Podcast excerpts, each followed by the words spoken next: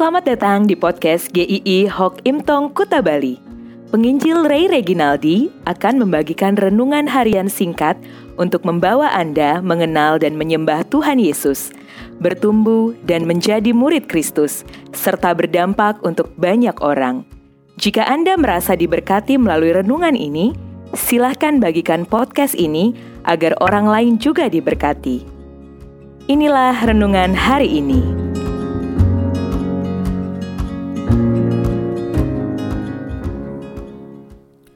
Gideon Hakim-Hakim 6 ayat 12 Malaikat Tuhan menampakkan diri kepadanya dan berfirman kepadanya demikian Tuhan menyertai engkau ya pahlawan yang gagah berani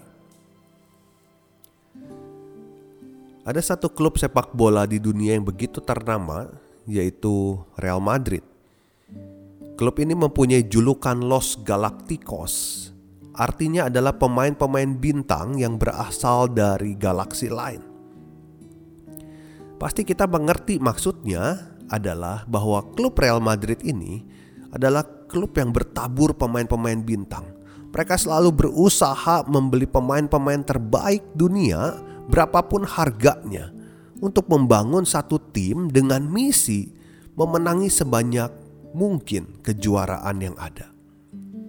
Memang sampai hari ini Real Madrid bisa dikatakan sebagai rajanya sepak bola Eropa dengan pemain-pemain bintangnya.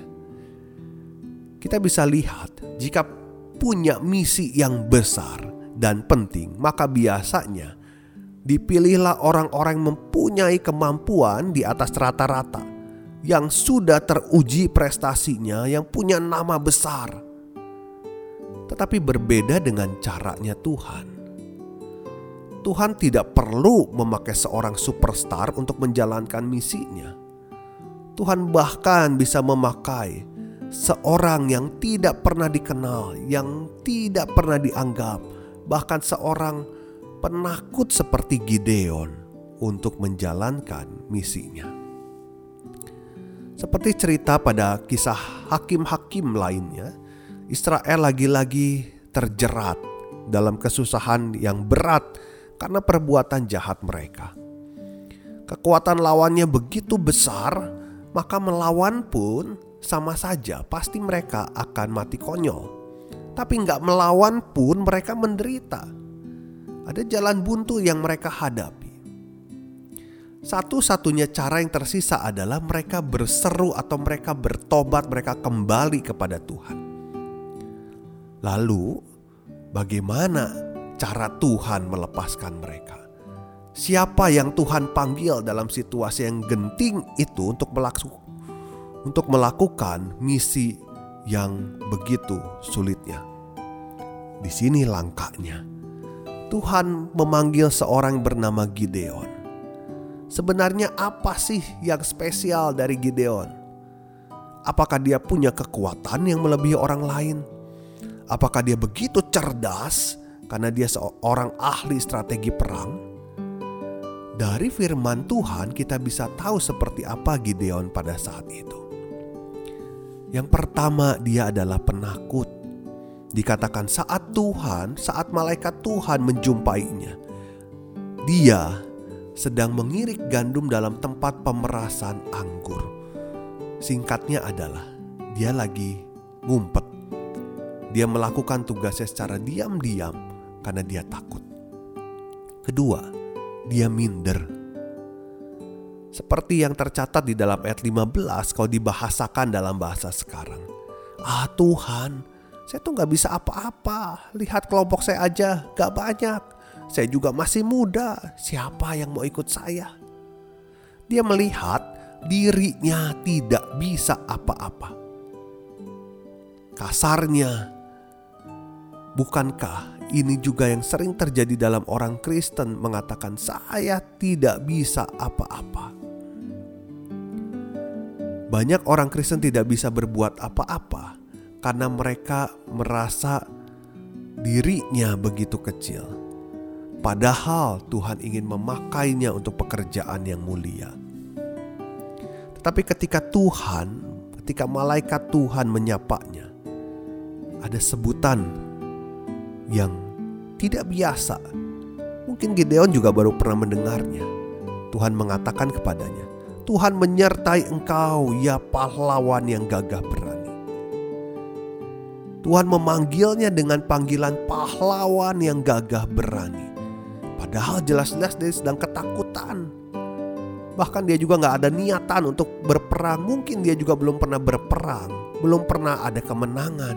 Di mana letak kepahlawanannya? Apakah Tuhan khilaf? Apakah Tuhan salah pilih orang? Ketika Tuhan mengatakan Gideon pahlawan yang gagah berani, lihat itu diawali dengan kalimat Tuhan menyertai engkau. Polanya jangan dibalik. Bukan Gideon pahlawan yang gagah berani lalu Tuhan menyertai dia. Tetapi karena Tuhan menyertai Gideon maka dia disebut pahlawan yang gagah berani. Saat Tuhan memilih seseorang, Tuhan pasti menyertainya.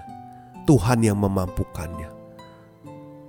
Seorang pengkhotbah pernah berkata, Tuhan itu paling ahli untuk memakai seseorang yang tidak diperhitungkan yang dianggap rendah untuk menjadi alatnya yang berharga untuk kemuliaan Tuhan.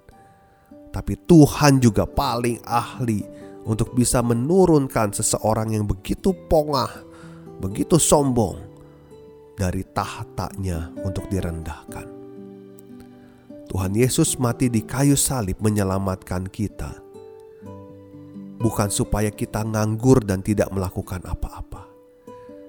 Setiap orang percaya itu harus meyakini bahwa kita disertai oleh Tuhan dan kita dipanggil untuk melakukan sesuatu bagi kemuliaan Tuhan.